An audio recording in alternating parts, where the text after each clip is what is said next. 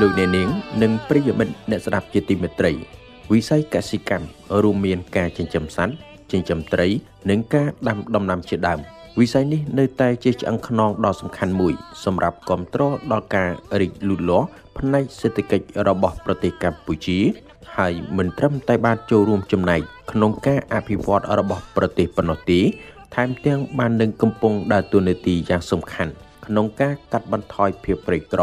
ធានាបាននូវសន្តិសុខស្បៀងនិងសុវត្ថិភាពចំណីអាហារក្រសួងកសិកម្មរុក្ខាប្រមាញ់និងនេសាទកំពុងបង្កើនយុទ្ធនាការជំរុញផលិតកម្មកសិកម្មក្នុងគោលបំណងបំផុសប្រជាកសិករនៅតាមមូលដ្ឋាន ដែលមានសក្តានុពលផលិតផលកសិកម្មឲ្យធ្វើការដាំដុះស្បៀងការចិញ្ចឹមសត្វ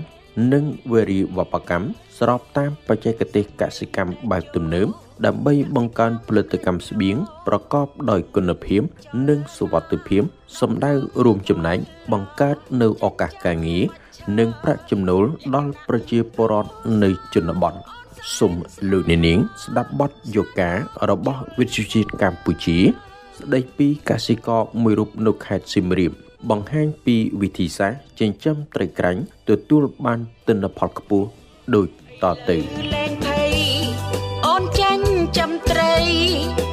រាំងវសាអនដែងកងកែបតាមបែបគ្រួសារទិន្នផល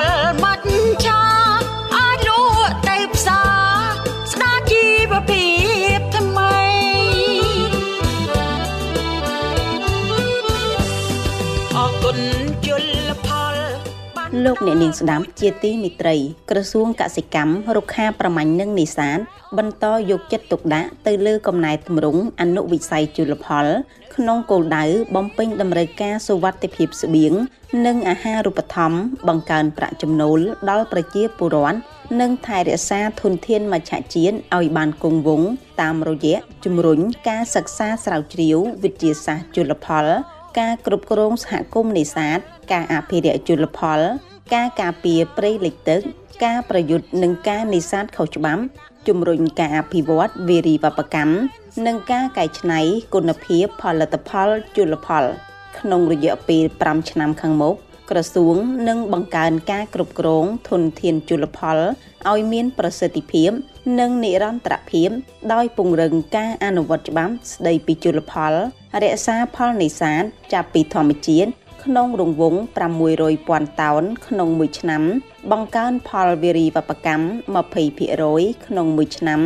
និងធ្វើឲ្យសហគមន៍នេសាទមានកម្រិតជីវភាពកាន់តែប្រសើរឡើង គោលនយោបាយដ៏ចម្បងរបស់រាជរដ្ឋាភិបាល គឺធានាសន្តិសុខស្បៀងជូនប្រជាពលរដ្ឋនិងកាត់បន្ថយការដាក់សម្ពាធធនធានជលផលក្នុងដែនទឹកធម្មជាតិនិងការអភិវឌ្ឍវារីវប្បកម្មក្នុងនោះការចិញ្ចឹមត្រីកំពុងក្លាយជារបរដ៏ពេញនិយមមួយ សម្រាប់កសិកម្មនៅកម្ពុជា អាស្រ័យមានតម្រូវការខ្ពស់លើទីផ្សារ និងទទួលបានការជំរុញពីក្រសួងកសិកម្ម លោកសម្បត្តិជាស្ដាម្ចាស់កសិដ្ឋានត្រីមាសមានទីតាំងនៅក្នុងឃុំអន្លង់សំណស្រុកជីក្រែងខេត្តសៀមរាបបានឲ្យដឹងថាលោកចាប់យកមុខរបរចិញ្ចឹមត្រី តាំងពីឆ្នាំ2018មកដោយជ្រើសយកតែការចិញ្ចឹមត្រីក្រាញ់មួយមុខប៉ុណ្ណោះព្រោះយល់ថាត្រីក្រាញ់ចិញ្ចឹមឆាប់បានផល ងាយស្រួលលក់ចេញ មិនបាច់ប្រកួតប្រជែងទីផ្សារជាមួយត្រីផ្សេងផ្សេងទៀតដែលនាំឲ្យជួបបញ្ហាប្រឈមនិងការខាតបង់ថវិកា បានយើងជើងត្រីខ្លាញ់តែម្ដងទីមួយយើងសិក្សាលើទីផ្សារឃើញថាត្រីផ្សេងផ្សេងគឺបងប្អូនយើងចិញ្ចឹមច្រើនហើយចំពោះតម្លៃទីផ្សារគឺមានការប្រកួតប្រជែងខ្លាំងឧទាហរណ៍ដូចជាត្រីដែងត្រីប្រាត្រីឆ្ពិននិងត្រីទីឡាយ៉ាត្រីទាំងអស់នោះទីមួយគឺរយៈពេលចិញ្ចឹមទីមានខ្លះដល់ទៅ6ខែខ្លះក៏3ខែដូចជាត្រីដែងហើយ3ខែដូចគ្នាដែរជាមួយត្រីខ្លាញ់ប៉ុន្តែមានការប្រកួតប្រជែងការនាំចូលច្រើនពីវៀតណាមផងពីថៃផងអញ្ចឹងធ្វើឲ្យតម្លៃយើងគឺយើងចិញ្ចឹមទៅគឺមិនសូវបានចំណេញប្រមាណទេហើយអាចប្រឈមនៅពេលខ្លះអាចខាតទៀតផងលោកបន្តទៀតថាកសិដ្ឋានរបស់លោក មានលទ្ធភាព សម្រាប់ការងារភ្ញាស់កូនត្រី បានជាច្រើនម៉ឺនកូនក្នុងមួយខែមួយខែ សម្រាប់បំពេញតម្រូវការទីផ្សារដោយមានការថែទាំកូនត្រីទាំងនោះតាមបច្ចេកទេសត្រឹមត្រូវ នៅពេលកសិករយកទៅចិញ្ចឹមធំលឿន ពលគឺមានរយៈពេលតែ3ខែប៉ុណ្ណោះក្រោយពេលចាប់ផ្ដើមចិញ្ចឹមគឺអាចលក់ចេញបានតែម្ដង។ និយាយទៅយើងផ្សំកូនរយៈពេល1ខែទើបយើងចែកកូនហ្នឹងទៅដល់បងប្អូនដែលគាត់ចង់ទៅចិញ្ចឹមទៀតគាត់ចិញ្ចឹមបន្តពីយើងទៀតរយៈពេល3ខែបានន័យថាកន្លែងស្ថានីយ៍ភ្ញោះគេតែងតែថែទាំកូនរយៈពេល1ខែមុនសិនយើងយកទៅបន្តរយៈពេល3ខែទៀតកូនក្នុង1ខែយើងអាចផ្ដល់ទៅលើទីផ្សារបានត្រឹមប្រហែលជាអាច50ម៉ឺនទៅ1លានកូនតែវាតាមតម្រូវការទៅលើបងប្អូនរយៈពេលកន្លងមកជួនកាលគឺយើងចែកជូនដល់ពួកគាត់បានត្រឹមចង្កាក់30ម៉ឺនជួនកាលក៏ត្រឹម20ម៉ឺនក៏5 10ម៉ឺនក៏មានដែរជាងតាមតម្រូវការដែលពួកគាត់តំណងមកយើងណាឥឡូវនេះគឺយើងលក់មួយក្បាលគឺ100តែបងប្អូនខ្លះក៏គាត់ចូលចិត្តទិញជាគីឡូក៏យើងលក់គីឡូយូនគាត់ដែរបាទ1គីឡូយើងលក់30000លោកសម្បត្តិជាស្ដាម្ចាស់កសិដ្ឋានត្រីមាសបានបន្តទៀតថាបច្ចុប្បន្ននេះលោកមានស្រះចិញ្ចឹមត្រី សម្រាប់លក់សាច់ចំនួន13ស្រះ ដែលអាចផ្គត់ផ្គង់ត្រីក្រាញ់ទៅតាមតម្រូវការទីផ្សារនៅក្នុងខេត្តសៀមរាប និងបណ្ដាខេត្តមួយចំនួនទៀតដោយក្នុងមួយខែមួយខែអាចលក់ចេញចន្លោះពី30ទៅ40តោន គឺខ្ញុំបដិបសំខាន់គឺត្រីសាច់ជាងត្រីសាច់ក្នុងខ្ញុំនៅទីនេះយើងចិញ្ចឹមចំនួន13ស្រះក្នុងមួយស្រះមួយស្រះខ្ញុំដាក់ស្រះទូចបំផុតរបស់ខ្ញុំខ្ញុំដាក់150,000កូនហើយយើងអាចទិញជាត្រីសាច់វិញវាអាចនិយាយទៅចន្លោះពី10តោនទៅដល់15តោនក្នុងមួយស្រះហើយស្រះធំយើងដាក់ច្រើនជាងហ្នឹងវាអាចត្រីសាច់ហ្នឹងគឺអាចប្រហែលជា5 10តោនទៅ30តោនខែដែលយើងលក់ដាច់ខ្លាំងក្នុងមួយខែហ្នឹងអាចលើ30តោនអាចទៅដល់40តោនក្នុង1គីឡូការបោះដុំរបស់ខ្ញុំខ្ញុំលក់6800ទៅ7000រាល់ថ្ងៃគឺយើងទៅខេត្តកំពង់ធំប្រហែលជា30%ទៅខាងកំពង់ធំហើយនឹង70%ទៀតជាងទីផ្សារនៅសៀមរាបលោកបានឲ្យដឹងទៀតថាចំពោះការចិញ្ចឹមត្រីក្រាញ់មិនមានភាពខុសគ្នាពីការចិញ្ចឹមត្រីផ្សេងផ្សេងនោះទេ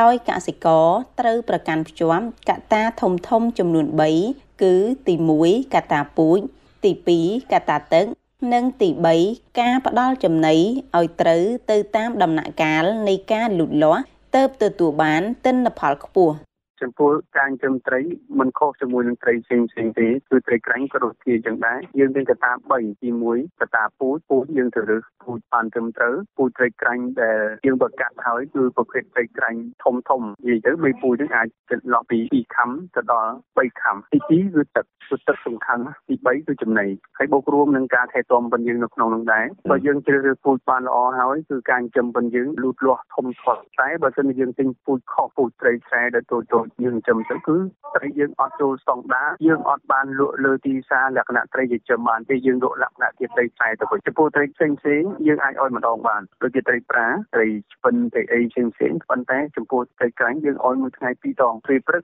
យើងឲ្យនៅម៉ោង6កន្លះទៅដល់ម៉ោង7ព្រឹកពេលល្ងាចយើងឲ្យនៅម៉ោង5ទៅ5កន្លះ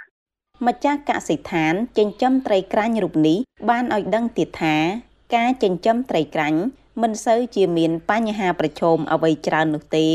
ដោយកសិករអាចធ្វើការចិញ្ចឹមនៅក្នុងស្រះក្នុងតង់ឬក្នុងស្បៃក៏បាន ព្រោះត្រីក្រាញ់មិនសូវជារើសទីតាំងចិញ្ចឹមនោះឡើយ ចំពោះត្រីក្រាញ់គឺជាត្រីមួយដែលកំពុងមានសក្តានុពលសម្រាប់ស្រុកខ្មែរហើយខ្ញុំចង់ចែករំលែកបទពិសោធន៍ដែលខ្ញុំបានធ្វើជោគជ័យកន្លងមកទៅតាមបណ្ដាខេត្តនានាហើយចំពោះត្រីក្រាញ់ហ្នឹងងាយស្រួលក្នុងការចិញ្ចឹមទេបើសិនជាបងប្អូនចង់ចិញ្ចឹមលក្ខណៈជាក្នុងស្បៃក៏បានចង់ចិញ្ចឹមនៅក្នុងសង់ក៏បានទី3យើងចិញ្ចឹមនៅក្នុងអាងថ្មអូទីអាងហ្នឹងគឺជាអាងចាស់ចាស់កញ្ចោលឬក៏ទ្រុងជ្រូកដែលគាត់បោះបង់ចោលយើងអាចកែច្នៃទៅចិញ្ចឹមត្រីក្រាញ់បានទ្រុងកពើដែលឥឡូវហ្នឹងគឺថាកពើអត់មានហាងឈេងគឺនៅសល់អាងជាច្រើនប៉ុន្តែយើងអាចកែច្នៃទៅជាចិញ្ចឹមត្រីក្រាញ់បានការចិញ្ចឹមក្នុងស្រះហ្នឹងវាទូទៅហើយហើយវាទទួលបានល្អជាងគេក្នុងចំណោមទាំងអស់ហ្នឹងដើម្បីបង្កើនការផ្គត់ផ្គង់តម្រូវការទីផ្សារក្នុងស្រុកនិងអាចមានលទ្ធភាពនាំចេញទៅក្រៅប្រទេសផងនោះលោកទាកឹមសុនប្រធានមន្ទីរកសិកម្មរុក្ខាប្រមាញ់និងនេសាទខេត្តសៀមរាបបានឲ្យដឹងថា នាពេលកន្លងមកក៏ដូចជាបច្ចុប្បន្ន មន្ទីរក៏ដូចជាជំនាញពាក់ព័ន្ធបានធ្វើការជំរុញការចិញ្ចឹមត្រីជាលក្ខណៈអាជីវកម្មដោយបានបង្កើតជាបណ្ដុំអាជីវកម្មត្រីសាច់នៅតាមបណ្ដាស្រុកគោលដៅដែលមានសក្តានុពល ចិញ្ចឹមត្រីហ្នឹងវាលក្ខណៈគ្រួសារហ្នឹងយើងសងក្រងគាត់ក្នុងមួយបណ្ដុំមានពី15គ្រួសារទៅ25គ្រួសារក្នុងបណ្ដុំចិញ្ចឹមត្រីចាំកែបចាំមន់ដាំបន្លែប៉ុន្តែក៏ត្រីយើងបានចងក្រងអញ្ចឹងប៉ុន្តែគាត់ថាយើងបានផ្ដល់លទ្ធភាពឲ្យគាត់ចិញ្ចឹមតែទីស្រុកដែលនៅជាប់ខាងប៉ែខាងក្រៅពីព្រោះទៅខាងលើគាត់យើងពិបាកទឹកបន្តិចខ្លាចយើងធ្វើឲ្យគាត់ចិញ្ចឹមទឹកចណ្ដូងវាអត់ងាយធំធាត់លឿនណាយើងឲ្យខាងតែមកជួស្រុកខាងក្រៅមកក្រៅកម្មវិធីនេះវាមានការជួយឧបត្ថម្ភពាក់ព័ន្ធជាមួយនឹងគម្រោងកម្មវិធីអាស្ប៉ាយក៏មានការចំត្រីជាបង្កើតជាបណ្ដុំចំត្រីហ្នឹងក្នុងមកក៏មានគម្រោងខាត់មួយទៀតក៏យើងពាក់ព័ន្ធជាមួយនឹងបរិបទកូវីដនេះក៏យើងជ្រើសរើសកសិករមួយចំនួនហ្នឹងឲ្យគាត់ចំត្រីលក្ខណៈគ្រួសារផងដែរគឺចំតាមជាតែដាក់តង់តែត្រីក្រាញ់ឬក៏ត្រីផ្ទុកក៏យើងបានផ្ដល់អត្ថភាពមួយចំនួនដែរគាត់ចំតាមបែរទៅតាមនៅទន្លេក៏យើងមានឲ្យចំដែរបានផ្ដល់ពូជត្រី បច្ចេកទេសថ្មី ស្រែអូនក្រោយផ្ទះបង្កាត់ពូជថ្មី នៅសល់ផ្ទៃដីដាំត្រូវលោកអ្នកនាងស្ដាប់ជាទីមេត្រី ការចិញ្ចឹមត្រីក្រាញ់ត្រូវចំណាយពេលវេលា ប្រមាណតែ3ខែប៉ុណ្ណោះគឺអាចលក់ចេញទៅកាន់ទីផ្សារបាន និងមានរសជាតិឆ្ងាញ់ដោយត្រីធម្មជាតិដែរក្នុងនោះក្រសួងកសិកម្មរុក្ខាប្រមាញ់និងនេសាទ បាននឹងកំពុងយកចិត្តទុកដាក់ផ្សព្វផ្សាយដល់ប្រជាកសិករនៅវិធីសាស្ត្រគ្រប់គ្រងធនធានជលផលឲ្យមានប្រសិទ្ធភាពនៅតាមតំបន់គ្រប់គ្រងដែនទឹកធម្មជាតិនៃព្រះរាជាណាចក្រកម្ពុជា ដោយបានរៀបចំបង្កើតឲ្យមានសហគមន៍គ្រប់គ្រងនៅតាមមូលដ្ឋានដើម្បីឲ្យប្រជាកសិករយល់ច្បាស់ពីទូនាទី និងភារកិច្ចក្នុងការគ្រប់គ្រងធនធានជលផល ក្នុងតំបន់របស់ខ្លួន ក្រៅពីនេះរដ្ឋបាលជលផល សហការជាមួយគម្រោងនានា អនុវត្តការផ្សព្វផ្សាយបច្ចេកទេសចិញ្ចឹមត្រី ក្នុងគោលបំណងដើម្បីធានាការផ្គត់ផ្គង់ម្ហូបអាហារទៅគ្រប់តំបន់ដែលកសិករកំពុងទទួលការខ្វះខាតត្រីសាច់ទទួលទានបច្ចុប្បន្នមានប្រជាកសិករជាច្រើនគ្រួសារ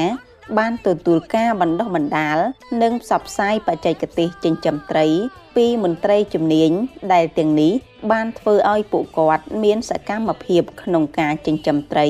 និងឈានទៅផលិតកូនត្រីពូជនៅតាមតំបន់របស់ខ្លួនថែមទៀតផងសូមជម្រាបផងដែរថាយោងតាមផែនការយុទ្ធសាស្ត្រអភិវឌ្ឍវិស័យកសិកម្មឆ្នាំ2019ដល់2023បានឲ្យដឹងថា ក្រសួងកសិកម្មរុក្ខាប្រមាញ់និងនេសាទនឹងបន្តពង្រឹងការគ្រប់គ្រង អភិរក្សនិងអភិវឌ្ឍធនធានជលផល ប្រកបដោយចីរភាពព្រមទាំងកែលម្អគុណភាព និងសុវត្ថិភាពផលិតផលជលផល និងបង្កើនផលវេរីវប្បកម្មពី298,000តោននាឆ្នាំ2019 ឲ្យកើនដល់619,000តោននៅឆ្នាំ2023ដោយបង្កើនការគ្រប់គ្រងដល់កសិដ្ឋានចិញ្ចឹមត្រី ក្នុងន័យបង្កើនការគ្រប់គ្រងដល់ការការពារធនធានជលផល នាងខ្ញុំធៀងស្រីមុំវិទ្យុជាតិកម្ពុជា ធ្វើសេចក្តីរាយការណ៍ពីខេត្តសៀមរាបឆ្លើយបងជលផល